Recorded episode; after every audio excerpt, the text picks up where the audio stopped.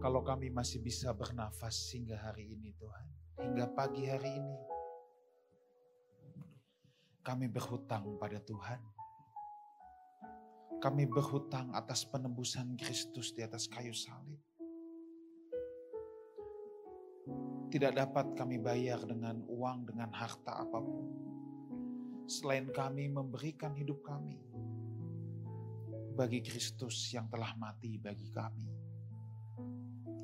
Tuhan biar pagi hari ini Tuhan menjadi pagi perjumpaan kami dengan Engkau. Biar pagi hari ini kami boleh diingatkan kembali bahwa kedatangan Kristus ke dunia ini menegakkan kerajaannya, memberikan keselamatan, membawa penebusan bagi kami semua. Dan biarlah Kristus yang hadir 2000 tahun yang lalu boleh nyata juga lahir dalam hidup kami.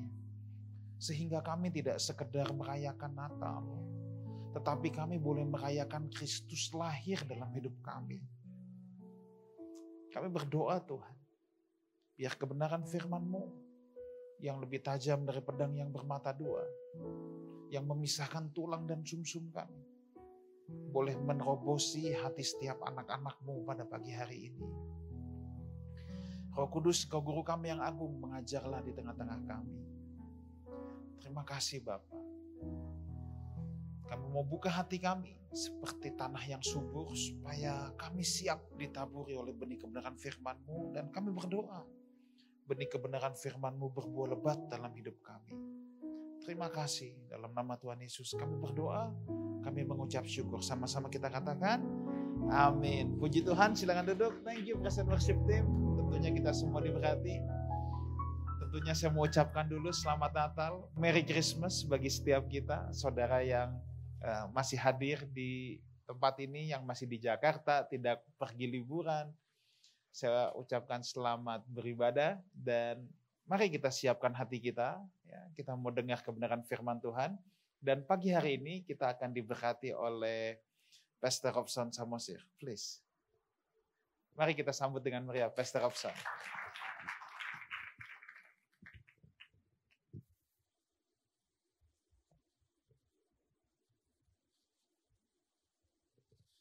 Shalom Bapak Ibu Saudara yang terkasih. Sekali lagi shalom. Saya pertama-tama mengucapkan banyak terima kasih buat Bapak Gembala yang memberikan saya kembali kesempatan untuk saya boleh menyampaikan kebenaran firman Tuhan. Kalau nggak salah, terakhir kali saya khotbah tanggal 25 Desember tahun lalu. Nah sekarang kembali lagi 25 Desember. Jadi saya spesialis 25 Desember. Nah hari ini saya akan menyampaikan satu kebenaran sesuai dengan tema yang diberikan yaitu makna Natal. Kelahiran Yesus benar-benar unik dan berbeda. Sebenarnya segala sesuatu tentang Yesus itu unik.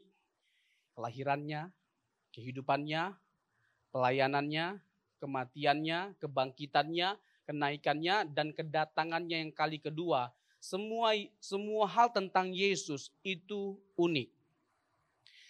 Nah, Secara khusus saya mau membahas terkait dengan kelahirannya dan tujuan dari kedatangannya. Kelahiran Yesus benar-benar unik dan berbeda. Unik dan berbeda karena kelahirannya telah dinubuatkan. Dan semua nubuatan itu tergenapi dalam diri Yesus Kristus. Banyak nubuatan tentang Yesus dalam perjanjian lama. Kelahirannya, kehidupannya, pelayanannya, kematiannya, kebangkitannya, itu semua dinubuatkan dalam perjanjian lama dan tidak ada satupun yang meleset. Saat detail-detailnya digenapi atau tergenapi pada diri Yesus. Itu artinya Alkitab adalah firman Allah. Yang kedua, Yesus itu adalah Mesias yang dijanjikan. Sehingga kita tidak perlu menantikan Mesias lain. Yesus itu adalah Mesias. Yesus itu adalah Allah. Tidak tergambarkan oleh setiap kita bagaimana nasib kita seandainya Yesus tidak lahir. Karena kalau Kristus tidak lahir, maka tidak akan ada pengampunan. Tidak akan ada keselamatan, tidak akan ada gereja, tidak akan ada kekristenan. Jadi tidak tergambarkan oleh setiap kita kalau seandainya Yesus itu tidak datang atau tidak lahir ke dunia. Hidup kita bernilai atau bermakna itu karena Kristus. Tanpa Kristus, kehidupan kita sama sekali tidak memiliki makna atau nilai. Jadi dapat disimpulkan bahwa kelahiran atau kehadiran Yesus adalah yang paling ditunggu-tunggu dan yang paling berdampak atau berpengaruh dari kisah kelahiran atau kehadiran Yesus 2000 tahun yang lalu, kita akan mendapatkan suatu gambaran besar tentang apa dan bagaimana pribadi dan karya Allah dinyatakan bagi setiap kita. Nah, ada beberapa makna Natal yang bisa kita pelajari dan kita renungkan pada ibadah yang istimewa ini. Pertama, Natal berbicara tentang keajaiban. Natal berbicara tentang keajaiban. Mengapa disebut keajaiban? Karena kelahiran Tuhan Yesus berbeda dengan manusia pada umumnya. Ia dilahirkan oleh seorang wanita tanpa melakukan hubungan biologis atau tanpa ada kontak antara pria dan wanita. Ya, jadi berbeda sekali kelahiran Tuhan Yesus itu tanpa pria. Tapi nggak jarang kita temukan hari-hari ini wanita bisa hamil tanpa ada prianya. Itu berbeda. Bagi kebanyakan orang secara khusus, bagi kaum ateis, hal ini adalah mustahil atau tidak mungkin. Namun, tidak bagi kita yang percaya kepada Tuhan. Bagi Tuhan tidak ada yang mustahil. Bagi Tuhan tidak ada yang tidak mungkin. Dia adalah pribadi yang maha kuasa. Kehadiran Sang Natal mengajarkan bagi setiap kita bahwa tidak ada yang mustahil bagi Allah. Dan terlebih lagi kelahiran Sang Natal disebut keajaiban karena yang dilahirkan itu adalah Allah yang menjelma menjadi manusia. Percaya kepada Yesus sama dengan percaya kepada Allah. Bertemu dengan Yesus sama dengan bertemu dengan Allah. Menyembah Yesus sama dengan menyembah Allah. Jadi Yesus itu adalah Allah. Yohanes pasal yang ke-14 ayat 8 dan 9. Filipus ingin supaya Yesus menunjukkan Bapa itu. Yesus menjawab setelah setelah sekian lama kamu bersama dengan aku, kok bisa kamu bertanya, tunjukkanlah Bapa itu kepada aku. Kamu lihat aku, kamu sudah melihat Bapa. Hal itu menunjukkan bahwa Yesus itu adalah perwakilan dari Allah Tritunggal. Dan dia bukan hanya sekedar perwakilan dari Allah Tritunggal, tapi dia adalah anggota dari Allah Tritunggal. Dia adalah pribadi kedua. Hanya Allah yang bisa menyelamatkan kita. Jadi Yesus itu adalah Allah yang yang setuju katakan amin. Yesus itu adalah Allah. Jangan mudah tergoncangkan oleh berbagai macam serangan atau kritikan yang ada yang menuduh bahwa Yesus itu adalah manusia yang diangkat jadi Tuhan. Yesus itu bukan manusia yang jadi Tuhan. Jangankan manusia jadi Tuhan, manusia jadi jadi hul aja itu hanya ada di bioskop, bah. Jadi avatar hanya di bioskop Wakanda Forever. Itu hanya di bioskop. Apalagi manusia jadi Tuhan tidak ada, apa. Yesus itu adalah Tuhan yang jadi manusia, bukan manusia yang jadi Tuhan. Bagaimana dengan konsili Nicea tahun 325? Konsili itu diadakan bukan untuk mengangkat ketuhanan Yesus, tapi memformulasikan apa yang sudah diyakini oleh jemaat mula-mula dan para rasul. Di mana ada manusia yang bisa mengampuni dosa? Markus pasal yang kedua dari ayat yang ke-7. Yesus mengampuni dosa. Lalu orang-orang Israel, orang Yahudi, ahli Taurat itu menjadi marah. Karena apa? Mengampuni itu pekerjaan siapa? Pekerjaan Allah. Nah, Yesus secara tidak langsung sedang menyamakan dirinya dengan Allah ketika dia mengampuni. Tetapi dia menunjukkan bahwa dia adalah Allah itu sendiri dengan melakukan mujizat. Mujizat yang dia lakukan itu memverifikasi kebenaran bahwa dia punya hak untuk mengampuni dosa. Ayat 9 dan 10. Dikatakan bahwa anak manusia berkuasa untuk mengampuni dosa. Anak manusia berkuasa untuk mengampuni dosa. Yesus itu adalah Allah. Dia menunjukkan dengan berbagai macam tindakan atau bukti yang menunjukkan bahwa dia benar-benar Allah. Yohanes 8 ayat 58. Yesus berkata, sebelum Abraham adi ada, aku ada. Sebelum Abraham ada, aku ada. Jarak Yesus dengan Abraham itu 2000 tahun. Jadi orang Yahudi marah, kamu belum sampai 50 tahun, bah. bagaimana kamu bisa sudah melihat Abraham, Abraham bersuka cita melihat kamu, Hal itu hanya bisa make sense ditangkap oleh akal kalau kita percaya bahwa dia kekal adanya. Dia adalah pribadi yang kekal. Dia ada sebelum Abraham ada. Kata yang dipakai itu present. Aku ada. Kata yang dipakai present. Artinya tidak ada masa, tidak ada waktu di mana Yesus tidak ada. Dia selalu ada. Dan dia bukan hanya mengklaim sudah ada sebelum Abraham ada, Yohanes pasal 17, dia mengklaim bahwa dia sudah ada sebelum dunia ada. Father, glorify me with the glory I had before the world was created. Bapak permuliakanlah aku dengan kemuliaan yang aku miliki sebelum dunia dijadikan. Ini semua adalah bukti yang menunjukkan bahwa dia tidak mungkin hanya manusia biasa. Dia juga mengklaim bahwa dia adalah Tuhan atas hari sabat. Tapi kan Yesus tidak pernah berkata, akulah Tuhan dan sembahlah aku secara langsung. Memang tidak ada apa. Dan konteksnya tujuan dia misinya bukan untuk itu. Tetapi bukan berarti tidak terbukti bahwa dia adalah Tuhan. Tindakannya, ajarannya, otoritasnya bisa menjadi bukti ketuhanannya. Karakteristik yang ada pada Yesus bisa menjadi bukti dari ketuhanannya. Jadi nggak perlu secara langsung dia mengungkapkan. Meskipun dia tidak pernah berkata secara langsung, dia adalah Tuhan dan meminta untuk disembah. Tetapi Yesus pernah diakui sebagai Tuhan, disembah sebagai Allah, dan dia tidak menolak penyembahan itu. Yohanes 20 ayat 28. Ketika Thomas tidak percaya, ragu. Ragu, benar nggak Yesus ini bangkit? Sekali-kali aku tidak percaya kalau aku tidak melihatnya langsung. Meraba tangannya, mencucuk lambungnya. Lalu Yesus menampakkan diri, dia mendapatkan kasih karunia Allah. Lalu apa kata Thomas? Hokriosmu kai hoteosmu. Hokriosmu kai hoteosmu. Ini bukan bahasa roh, bahasa bahasa Yunani. Ya Tuhanku, ya Allahku. Nah kalau dia bukan Tuhan, dia harus menolak pengakuan itu, penyembahan itu. Dia harus menolaknya sama seperti yang dilakukan oleh Paulus dan Petrus ketika pelayanan di, di Iconium atau Derbe. Kisah Rasul pasal yang ke-13. Banyak mujizat yang mereka lakukan lalu banyak orang terkagum. Lalu menyembah mereka. Yang satu dianggap sebagai uh, dewa Zeus, yang satu lagi Hermes. Ini dewa bukan tas. Lalu apa yang mereka lakukan? Mereka menolak pengakuan itu, penyembahan itu. Karena apa? Mereka bukan Allah.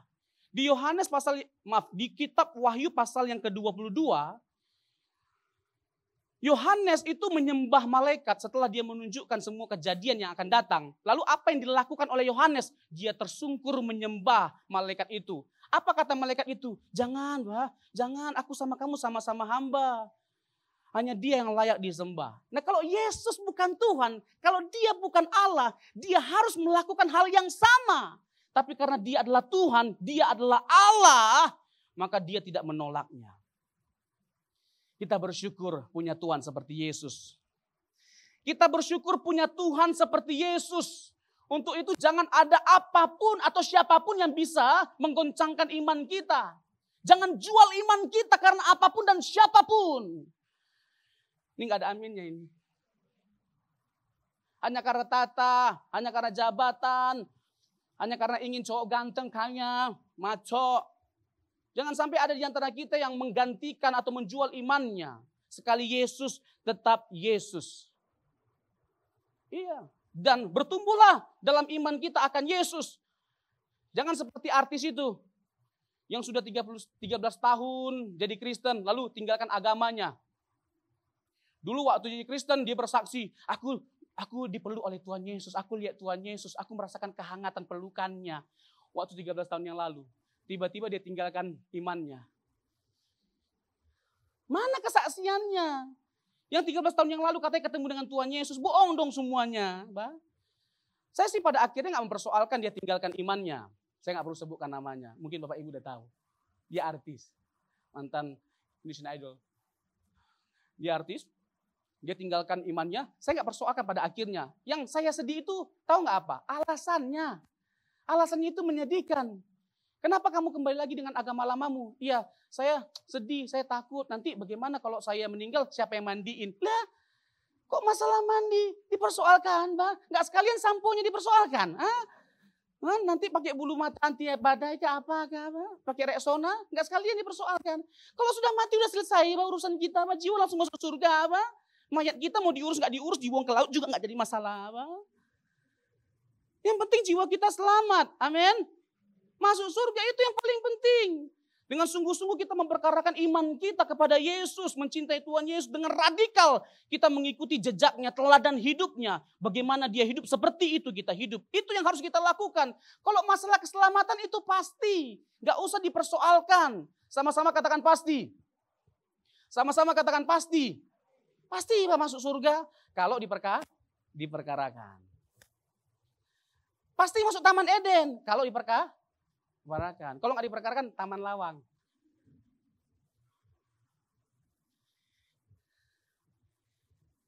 Jadi Yesus itu adalah Tuhan, Yesus itu adalah Allah. Jangan ada apa pun yang bisa menggoncangkan iman kita, menggeser iman kita akan Kristus. Kalau kita percaya Yesus, persoalannya ini kekekalan, bukan kesementaraan. Ini persoalannya kekekalan. Semua yang ada di dunia ini sementara, fana. Semu, hanya sementara. Dan semuanya akan kita tinggalkan. Tidak ada satupun yang kita bawa. Harta kita itu di sorga. Selama kita di bumi ini kita hidup berkenan. Kita berdampak bagi banyak orang. Kita benar-benar menunjukkan bahwa kita adalah garam dan terang dunia. Itu harta kita. Ada saudara kita yang butuh bantuan, pertolongan, sakit, kita bantu. Itu harta kita. Amin. Iya. Kita punya uang, punya harta. Ada orang sakit. Kasih dulu Pak uang baru doakan. Jangan doa panjang-panjang tapi nggak kasih uang. Pak. Hanya seratus ribu. Tambah lagi pakai bahasa rokura berapa saku kura Kasih dulu uangnya apa? Baru doakan. Amin Bapak Ibu. Iya. Itu yang harus kita lakukan sebagai pengikut Yesus sehingga kita bisa memaknai Natal dengan benar. Jadi Natal itu berbicara tentang keajaiban. Yesus itu adalah Allah sejati dan manusia sejati.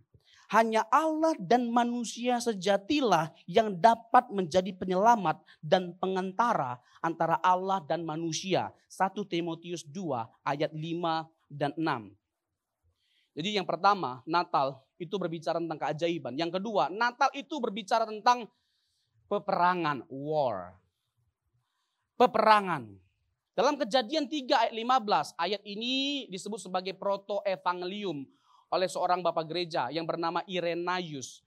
Yang artinya adalah ayat penginjilan pertama sekali. Kejadian 3 itu berbicara tentang kejatuhan manusia dalam dosa. Di kejadian 3 di pasal yang sama Tuhan menyatakan janji keselamatan bagi umat manusia dengan akan menghadirkan seorang juru selamat di mana Keturunan dari perempuan itu akan menginjak kepala ular. Ular itu akan menginjak tumitnya. Dan Tuhan melakukan hal ini ketika dia disalibkan. Salib adalah lambang dari kemenangan. Tadinya salib itu adalah lambang dari kutuk. Mengapa Yesus disalib? Karena kita adalah orang-orang yang terkutuk karena kejatuhan dalam dosa. Nah, salib adalah lambang dari kutukan. Sehingga itulah alasan mengapa dia dihukum dengan cara disalibkan. Galatia Pasal yang ketiga, terkutuklah orang yang disalibkan. Jadi Yesus menjadi terkutuk, menjadi terhina, terhukum karena kesalahan kita, bukan karena kesalahannya. Jadi kejadian 3 ayat 15 itu Allah menyerukan peperangan dengan kuasa kegelapan. Salah satu cara kita meringkas cerita besar Alkitab adalah dengan melihatnya sebagai peperangan antara ular dan keturunan perempuan Iblis tahu bahwa Allah bekerja dalam sejarah. Iblis tahu bahwa Allah sudah mengikatkan janjinya dengan orang tertentu dari keturunan raja Yahudi tertentu. Orang ini bukan saja harus dari keturunan perempuan, tetapi juga keturunan Abraham dan Sarah. Selain itu, dia juga harus dari suku Yehuda, keturunan Raja Daud. Jadi, jadi iblis memusatkan perhatiannya untuk menjegal benih mesianis di berbagai titik di sepanjang garis keturunan keluarga itu. Dan kita bisa melihat upaya yang luar biasa yang dikerjakan oleh iblis atau kuasa kegelapan untuk menggagalkan rencana Allah dalam menyelamatkan setiap kita melalui anak tunggalnya. Seperti pada waktu Fir'aun membantai bayi laki-laki orang Ibrani, Herodes pun berusaha melakukan pembantaian serupa di Bethlehem ketika Yesus lahir. Ironisnya, Allah menyelamatkan anaknya bersama Yusuf dan Maria, ibunya dengan menyuruh mereka menyingkir ke Mesir. Ketika Yesus kembali bersama keluarganya untuk menetap di kota Nazaret. Peristiwa itu seperti kisah keluaran yang lain yang menggenapi nubuatan Hosea 11 ayat 1. Dari Mesir kupanggil anakku. Jadi Natal itu berbicara tentang peperangan antara kuasa kegelapan dengan Allah. Kita bisa melihat ya berbagai macam upaya atau usaha perjuangan yang dilakukan oleh setan untuk menggagalkan karya keselamatan itu. Kita bisa melihat bagaimana Yesus pernah dicobai, Matius pasal yang keempat, oleh iblis ketika di padang gurun. Apa yang terjadi? Pencobaan apa yang terjadi? Yang pertama, mengubah roti jadi salah. Mengubah batu jadi nah, ini kuis Alkitab. Mengubah mengubah batu jadi roti. Bisa nggak Allah melakukannya? Bisa nggak Yesus melakukannya? Jangankan Mbak, mengubah batu jadi roti, mengubah iblis jadi bakpo juga bisa apa? Apalagi batu jadi roti kecil, Pak. Tapi ini kan masalah tunduk sama siapa? Tunduk kepada Allah atau tunduk kepada iblis.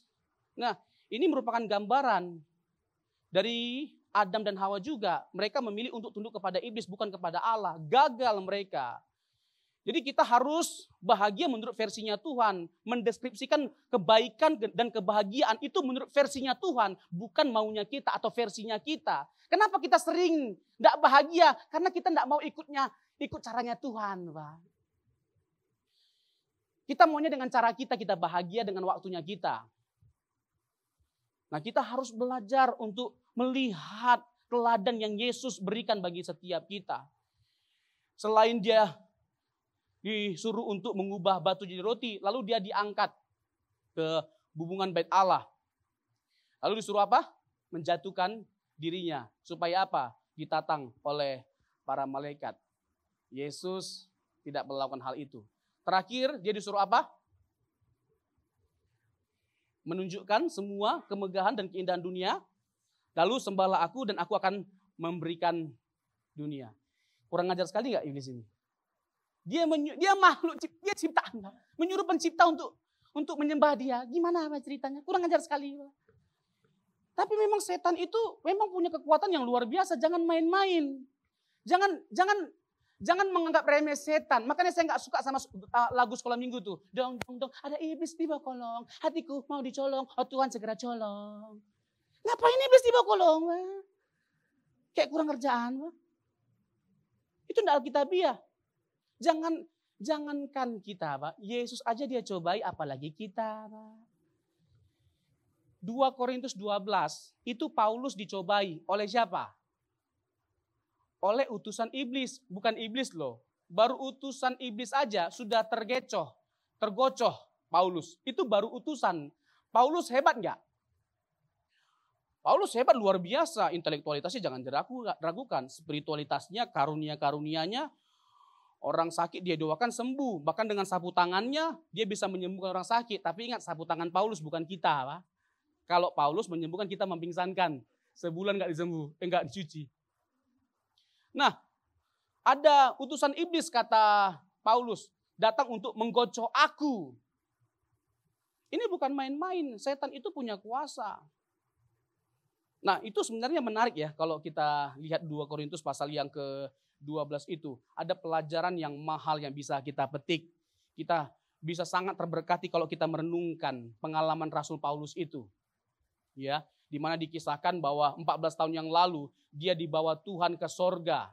Dibawa Tuhan ke sorga. Tetapi tidak dengan mudahnya dia menyombongkan kesaksiannya, menyaksikannya ke mana-mana. Dia tahan sampai 14 tahun loh. Hal itu bisa membuat dia menyombongkan diri sebenarnya. Makanya Tuhan kasih duri dalam daging supaya dia apa? Tidak menyombongkan diri. Kalau sekarang mudah kali orang bersaksi, aku naik turun surga. Eh Tuhan Yesus turun sekali, naik sekali. Bah. Kamu naik apa? Naik turun surga. Naik lift kah? Iya kan? Naik sekali, turun sekali. Naik turun surga, eskalator. Ada-ada aja. Tuhan kasih sesuatu yang menyakitkan. Sesuatu yang tidak enak, sesuatu yang tidak menyenangkan. Tapi pada akhirnya dengan kedewasaan Paulus, Paulus menyadari bahwa itu tuju, itu diizinkan Tuhan tujuannya untuk mendatangkan kebaikan bagi Paulus supaya dia tidak menyombongkan diri. Kesombongan adalah awal dari kehancuran. Tuhan tidak ingin Paulus mengalami kehancuran dengan menyombongkan diri. Untuk itu lebih baik Tuhan menghajar Paulus. Dan Paulus mau memberi diri untuk dihajar oleh Tuhan. Barang siapa ku kasih, ia kutegur dan kuhajar. Tuhan tidak ingin kita hancur. Ada banyak hal dalam hidup ini yang membuat kita bisa hancur. Dan tidak jarang Tuhan menghajar kita supaya apa? Kita tidak hancur. Kalau Tuhan menghajar kita, itu artinya Tuhan sayang sama kita. Kalau kita terus berbuat dosa, Tuhan nggak lagi hajar kita, itu artinya Tuhan sudah mulai tidak sayang. Jadi percayalah bahwa dalam segala hal Tuhan mendatangkan kebaikan bagi setiap kita. Kesimpulannya jelas. Yesus sudah memenangkan peperangan itu. Kerajaan iblis jelas sudah dikalahkan. Namun masih ada pertempuran-pertempuran kecil yang harus kita hadapi. Kita adalah para pewaris Kristus. Gerejanya kini dapat menjarah istana iblis dan membebaskan para tawanannya. Iblis sudah diikat sehingga ia tidak lagi dapat menipu bangsa-bangsa dan Injil dapat mengalami keberhasilan dengan kuasa Roh Kudus. Dengan kuasa apa kita bisa menaklukkan setan? Bukan salib, bah. Salib, setan tidak takut sama salib. Itu pembodohan dari TV-TV. Vampir takut sama salib. Kalau setan takut sama salib, berarti tekan setan takut sama tiang jemuran. Karena berbentuk salib. Bah. Sama tiang listrik, bah. setiap kali terbang nyangkut. Setan tidak takut dengan salib. Setan, setan takut dengan pribadi yang disalibkan 2000 tahun yang lalu dan para pengikutnya yang percaya dan memberikan hidupnya kepada Yesus yang tersalib. Itu setan takut. Yakobus 4 ayat 7, tunduklah kepada Allah, lawanlah si iblis maka dia akan maka dia akan tapi kenyataannya yang lari siapa? Enak kali memang memang cuma lewat jujur-jujur. Yang lari siapa? Kita. Iya. Kadang-kadang masih aja ada orang yang takut ya kan. Jam 2 malam minta ditemani sama suami untuk kencing ke belakang. Bangun, kencing. Tapi kalau di gereja nyanyi iblis keinjak-injak, iblis keinjak-injak. Apa-apa diinjak-injak apa? Ya kan? Kalau di gereja ngakunya aku anak Allah. Sampai di kuburan, maaf anak babi mau lewat. Ya kok jadi anak babi? Di gereja anak Allah apa? Kok tiba-tiba anak babi mau lewat? Apa? Jadi kita harus percaya bahwa kita adalah orang-orang yang telah diberi kuasa oleh Tuhan. Kita harus tunduk kepada dia dengan cara seperti itu. Kita bisa menaklukkan kuasa kegelapan. Karena hal yang serupa yang dilakukan oleh oleh Yesus menaklukkan kuasa kegelapan. Si iblis dengan jalan memiliki ketundukan 100% terhadap Allah. Itu yang harus kita lakukan. Spirit itu yang harus kita warisi. Yang kedua dengan memberi diri kita untuk dikuasai oleh Injil, untuk dikuasai oleh Injil. Injil atau Alkitab adalah standar tertinggi bagi setiap kita untuk kita mengevaluasi ajaran kita, doktrin kita, pelayanan kita, gereja kita, kehidupan kita. Semakin dalam kita menggali kebenaran Injil, semakin dalam perenungan kita akan Injil, semakin kita bisa melihat kegelapan kelemahan, dosa yang ada pada diri kita. Sampai hal yang terkecil kita bisa lihat dan persoalkan. Semakin dekat kita dengan terang itu, semakin terlihat semua kegelapan yang ada pada diri kita. Untuk itu, mari setiap kita punya waktu yang khusus untuk kita membaca Alkitab. Punya waktu yang khusus baca Alkitab. Beli Alkitab baru, baca seperti yang dilakukan atau digalakkan oleh Bapak Gembala kita, pembacaan kitab suci. Masih berjalan ya Pak Gembala ya? Ah, coret-coret Alkitab kita apa? Semakin kotor Alkitab kita, semakin bersih hati dan pikiran kita. Semakin bersih Alkitab kita, semakin kotor hati dan pikiran kita. Pertanyaan saya, Alkitab Bapak Ibu bersih atau kotor?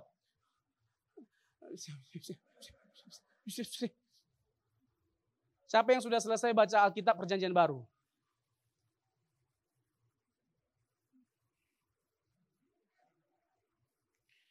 Perjanjian Lama? Dua-duanya? Luar biasa memang cuma levos ini ya. Berikan tepuk tangan bagi Tuhan kita. Emas sekali tepuk tangannya, Pak. Padahal ini Natal, Pak. Tenang Bapak Ibu, habis ini kita makan di rumah masing-masing. Jadi dengan kita membaca Alkitab kita, sediakan waktu kita untuk baca Alkitab setiap hari. Kita nggak bisa hidup tanpa firman Tuhan. Amin. Semakin sering kita baca firman Tuhan, semakin pikiran kita, hidup kita, perkataan kita diwarnai oleh firman Tuhan. Apa yang mewarnai hidup kita bergantung pada apa yang kita masukkan dalam pikiran kita. Kalau kita memasukkan hal-hal yang baik, maka hal-hal yang baiklah yang akan terlihat dari kehidupan kita. Yang setuju katakan amin. Yang setuju katakan amin. Iya. Jangan kalau film Korea aja kita tonton bisa berjam-jam, Pak. Alkitab tidak bisa, Pak. Sampai lebih tahu kita bahasa Korea daripada Alkitab. Sarangnya, hamsamida. Oh, musuh? Oh, musuh? Harasso? Lebih tahu bahasa Korea, Pak, daripada ayat Alkitab, Pak.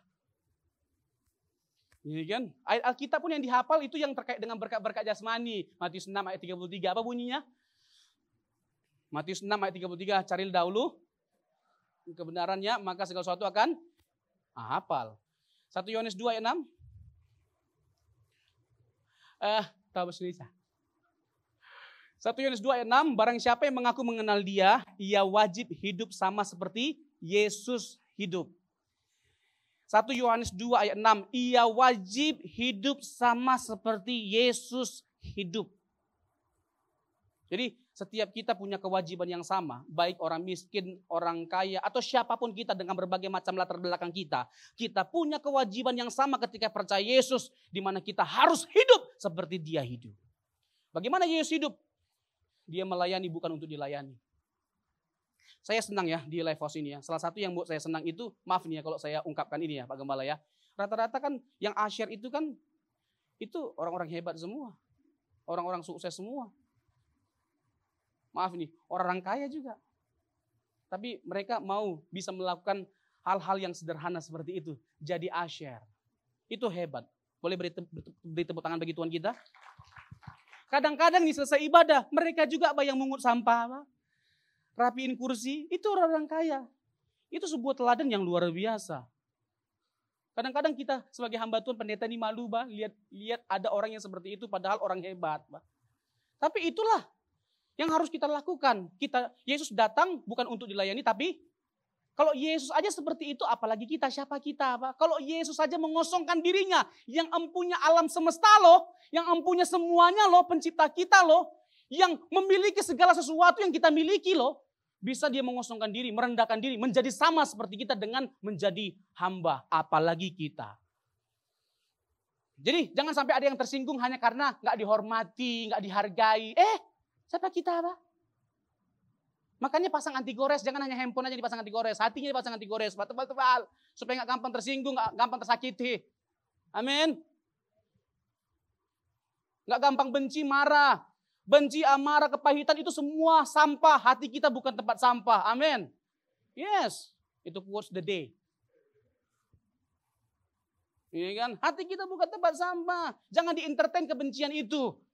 Dibuang yang ada, buang pada tempatnya. Alkitab berkata, jagalah hati kita dengan segala kewaspadaan. Karena dari situlah terpancar kehidupan. Kan ada lagunya itu. Jagalah hati, jangan kau nodai. Jagalah hati lentera hidup ini. Ku kan menarikan. Itu lain lagu.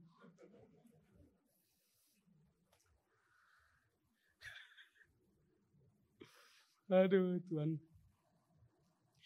Jadi Bapak Ibu Saudara yang terkasih, kita harus dengan sungguh-sungguh memberi diri kita untuk dikuasai oleh Injil dan Roh Kudus. Dan ciri utama dari seseorang yang dikuasai oleh Roh Kudus yang dikuasai oleh roh kudus, itu menghasilkan buah roh, bukan berbahasa roh. Tidak bisa bahasa roh, jangan berkecil hati. Tidak jadi masalah. Tapi masalahnya apa? Ada yang ngajarkan. Kalau nggak bisa bahasa roh, nggak dewasa rohani. Di mana ayatnya? Kalau nggak bisa bahasa roh nggak masuk surga. Karena nanti di surga bahasa roh nggak ada di Alkitab. Nggak ada. Karena ada yang ngajarin seperti itu. Ada yang sampai buat les bahasa roh. Coba bahasa roh dileskan gimana ceritanya. Bilang di di di di di di di, di. bilang dada dada dada dada gabungkan dadi dada di dada dadi dada. Bahasa roh dileskan. Saya bukan anti bahasa roh, saya bahasa roh. Iya. Iya, kadang-kadang ya maaf nih ya, nggak sedikit bahasa roh itu palsu. Karena apa? Bisa sama semua. Depan laba-laba sampai belakang laba-laba, laba-laba semua. Spiderman. Satu satu satu ruangan jadi Spiderman. Aduh, ada aja. Saya bukan anti bahasa roh. Tapi saya nggak setiap kali ibadah bahasa roh. Jarang, Pak. Sekali-sekali aja. Yang paling penting itu kalau kita dipimpin oleh roh, bukan berbahasa roh, menghasilkan buah roh. Untuk apa kita bisa berbahasa roh tapi nggak menghasilkan buah roh? Amin. Mana kasih kita? Jangan hanya jago berbahasa roh. Mana kasih kita? Mana kebaikan kita? Mana kelemah lembutan kita? Itu semua dong yang diperkarakan kalau kita berbicara tentang roh kudus. Dan roh kudus itu adalah pribadi dan Allah. Sering roh kudus digambarkan sebagai api, air, merpati. Tapi itu hanya gambaran. Roh kudus bukan api, bukan air, bukan merpati. Dia pribadi, dia Allah. Dia sama seperti Bapa, sebagaimana Bapa itu maha besar, maha kuasa. Begitu juga dengan roh kudus. Dan kebesaran dan keagungan Allah. Ada pada kita ketika roh kudus dicurahkan bagi setiap kita. Yang setuju katakan amin. Berikan tepuk tangan bagi Tuhan kita. Natal juga berbicara tentang apa? Pengharapan. Kita semua adalah orang-orang yang tidak berpengharapan ketika jatuh ke dalam dosa. Nah, kehadiran Yesus untuk memberikan pengharapan bagi setiap kita. Tidak ada yang lebih mengerikan selain kehilangan pengharapan. Tidak ada yang lebih mengerikan selain ketika kita kehilangan harapan. Orang bisa sampai mengakhiri hidupnya ketika kehilangan harapan. Yang ketiga, Natal itu berbicara tentang pembebasan. Kebebasan adalah hal yang dinantikan oleh banyak orang secara khusus masa pandemi sejak tahun 2020 awal sampai sekarang telah menempatkan banyak orang dalam penjara. Sebagian orang terpenjara dalam kesedihan karena kehilangan orang yang mereka kasihi. Dan saya juga mengalami hal yang sama di masa pandemi. Sebagian lagi terbelenggu dalam kekecewaan dan keputusasaan karena pekerjaan dan keluarga mengalami goncangan besar. Ada pula yang terikat dengan kekhawatiran menghadapi tahun yang baru ini. Akankah tahun depan 2023 menjadi lebih baik daripada dua atau tiga tahun terakhir? Bahkan sampai ada yang memprediksi bahwa tahun depan adalah tahun yang gelap. Awa gelap. Gelap. Tapi sebagai anak Tuhan kita nggak perlu khawatir. Yang kita perlu persoalkan itu bukan masalah apa yang akan kita hadapi, tapi kita berjalan bersama dengan siapa. Bukan masalah apa yang kita akan hadapi, tapi kita berjalan bersama dengan siapa. Selama kita terus memastikan diri kita berjalan bersama dengan Yesus, tidak ada masalah apa pun yang perlu kita takuti. Saya boleh nyanyi nggak? Boleh ya. Soalnya saya grogi, WL-WL-nya jago-jago semua. Bisa minta pemain keyboardnya. Tenang aja bang, saya udah jinak. Bang Peter kan? Saya tahu namanya. Udah saya lihat tadi soalnya. Kunci C bang ya. Segala perkara dapat kita tanggung bersama dengan Yesus. Enggak selamanya terjadi mujizat. Bapak Ibu, kata-kata itu kurang tepat ya. Setiap hari ada mujizat. Enggak, enggak setiap hari ada mujizat. Siapa di antara kita yang uh, doanya pernah nggak dijawab oleh Tuhan? Ada? Oh banyak kali. Sama saya juga. Berdoa berkali-kali. Paulus juga sama. Jadi Jangan ada seorang pun yang menganggap kita kurang mencintai Tuhan, kurang beriman hanya karena doa kita nggak dijawab oleh Tuhan. Oh enggak, justru kita harus menunjukkan bahwa kita dewasa rohani. Ketika Tuhan tidak jawab doa kita, kita tetap mencintai Tuhan. Amin. Nah lagu ini menguatkan sekali. Segala perkara dapat ku tangguh di dalam Dia yang memberi kekuatan. Tuhan Yesus penolong dan sahabat. Apa? Tetap percaya Tuhan segala perkara dapat ku tangguh. Segala perkara dapat ku tangguh di dalam Dia yang memberi kekuatan. Tuhan Yesus menolong. Tetap percaya. Tetap percaya Tuhan setia. Jadi percayalah Bapak Ibu. Tuhan tidak akan pernah meninggalkan kita. Penyertaan Tuhan itu cukup bagi setiap kita. Mungkin gak ada mujizat dia nyatakan. Tetapi dia selalu menyertai kita dan memberikan kita kekuatan. Bersama dengan Bapak kita, kita melewati semuanya. Bersamamu Bapak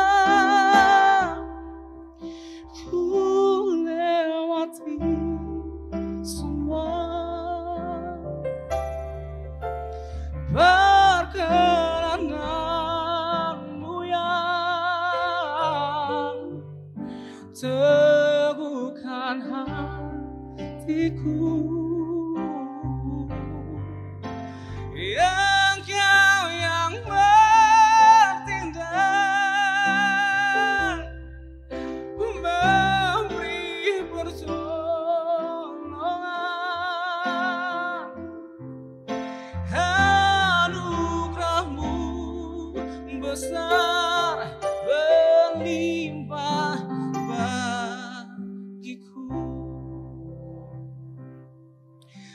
saya boleh nanya nggak Bapak Ibu? Kamu nanya?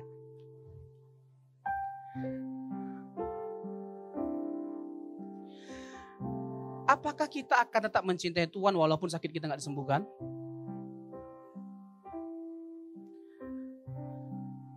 Apakah kita akan tetap mengasihi Tuhan, percaya kepada Tuhan, melayani Tuhan, walaupun mujizat nggak dinyatakan? Walaupun kita nggak diberkati? Eh, luar biasa memang cuma level sini. Kasih tepuk tanganlah dulu, aduh hebat kali. Saya suka lagu zaman dulu ya. Kunci C lagi bang ya. Iya, ini kuncinya abnormal semua memang. Lu kak suka dengan lagu zaman dulu ya. Ada satu lagu yang dulu suka dinyanyiin sama gereja Pentakosta waktu miskin-miskinnya. Kalau sekarang udah kaya-kaya. Padahal lagu ini sangat memberkati. Meskipun saya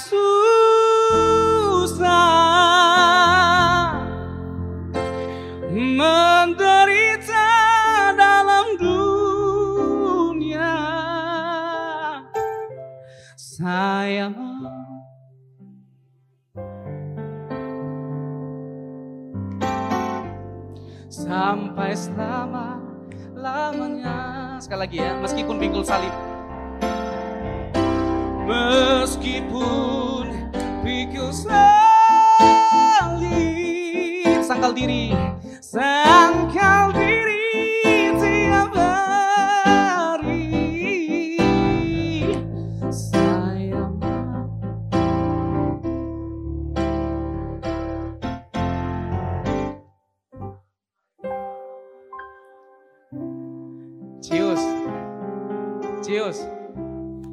ada kisah 10 orang penyakit kusta datang kepada Yesus untuk disembuhkan tentunya. Pertanyaan saya dari 10 orang itu berapa yang disembuhkan? Ini ada yang 10, ada yang satu beda-beda Pak kitab kita kayaknya. Hah? Udah beda ngotot lagi satu semua. Kalau kurang yakin minimal pelanin suaranya Pak. Berapa? Ya kan? Kalau kurang yakin ragu-ragu, Minimal begitu, Pak. Pelan-pelan.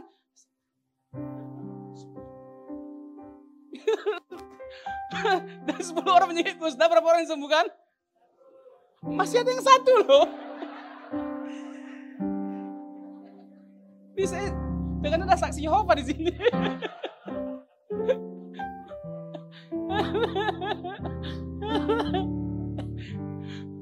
Yang disembuhkan 10 orang. Pertanyaannya, berapa orang yang datang kepada Yesus untuk bersyukur? Nah ini kompak jawabannya, berpaten. Ah, dari tadi kayak. Yang datang itu cuma satu, miris nggak? Nah nggak jarang kita seperti itu. Ketika kita miskin ingin diberkati datang sama Tuhan Yesus. Ketika susah datang sama Tuhan Yesus. Ketika sakit datang sama Tuhan Yesus. Cari Tuhan Yesus. Kalau lima kali ibadah lima-limanya kita datang Pak, ke gereja Pak. Ini kan puasa hampir setiap hari supaya apa? Tuhan berkati, Tuhan tolong, Tuhan sembuhkan, Tuhan nyatakan mujizatnya, Tuhan buka jalan. Waktu kita susah, tapi waktu kita sudah sembuh, Tuhan berikan apa yang kita minta. Di mana kita? Nah, ini memang jujur kali jemaat lewat ini pulang hilang. Kebanyakan seperti itu hilang. Jadi kalau kita kaya lalu tinggalkan Tuhan jadi binasa, lebih bagus kita miskin. Ah kan tidak terima kan? Tidak terima. Daripada kita disembuhkan lalu tinggalkan Tuhan Yesus, lebih bagus kita nggak usah disembuhkan. Bang. Tapi lebih bagus disembuhkan, diberkati, ikut Tuhan Yesus. Saya tahu yang apa yang di hati Bapak Ibu. Karena kita sama. Ini waktunya masih lama Pak Gem ya. Dua setengah jam.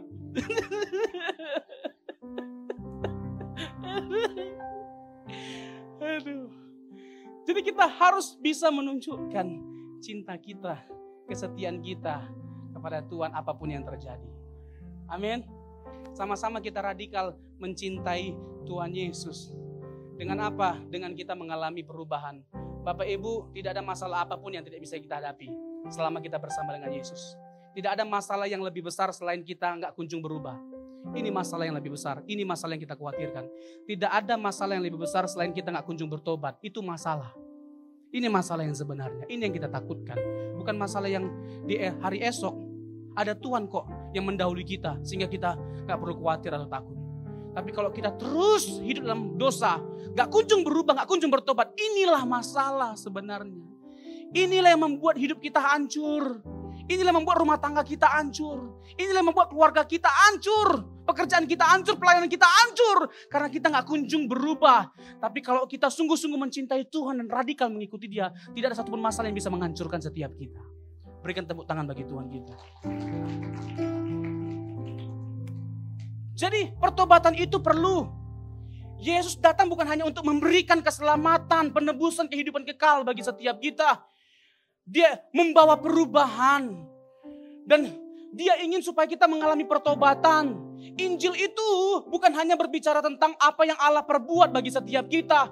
Itu masih setengah Injil, masih setengah kebenaran. Injil juga berbicara tentang apa yang Allah ingin untuk kita perbuat dalam hidup kita di mana kita mencintai Dia seperti Dia mencintai setiap kita.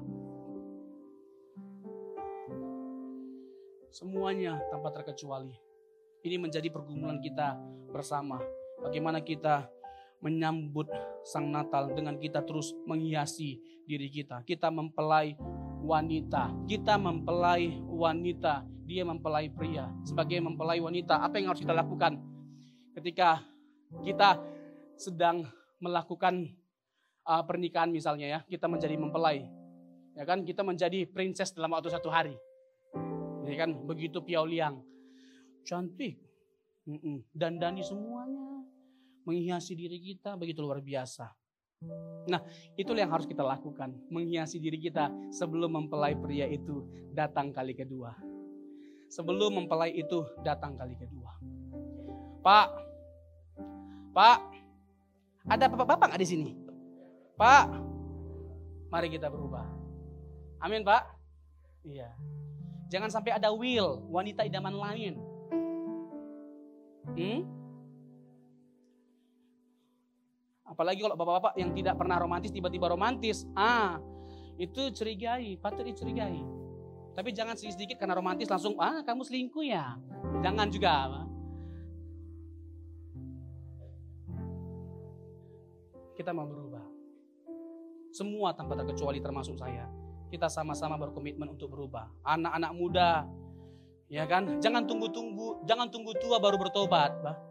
Nanti aja aku sungguh-sungguh mencintai Tuhan ketika tua. Kalau sampai tua, kalau besok mati. Ya kan? Dewasa itu pilihan, tua itu mutlak. Nah gak sedikit orang yang tua tapi gak dewasa. Tapi kalau isinya orang tua dewasa semua. biar aman saya pulang. Dewasa semua. Ya kan anak-anak muda. Mari dengan dengan di masa muda kita kita jadi berkat dari sejak muda. Jangan hanya jago quotes quotes. Kan anak muda ini kan lagi lagi ngetren-ngetrennya jago banget kalau quote. Kalau quotes itu indah kali. Hidupku tidak ada artinya tanpa Yesus. Tapi jangan hanya ngemeng doang, hidupin dong. Amin. Eh, tapi kalau pacaran pacaran bebas, pergaulan bebas, pakai narkoba, ini dan sebagainya macamnya. Gimana mau jadi jadi teladan seperti itu? Ya kan? Kalau kita mau ya pacaran nggak jadi masalah. Silakan aja. Gak salah kok dengan pacaran. Tapi hati-hati. Kita mau jaga kekudusan. Amin. Iya, yang cewek-cewek jangan mau tergoda apa pun kata-kata pria buaya darat. Tempatkan buaya pada tempatnya di, di sungai bukan di darat.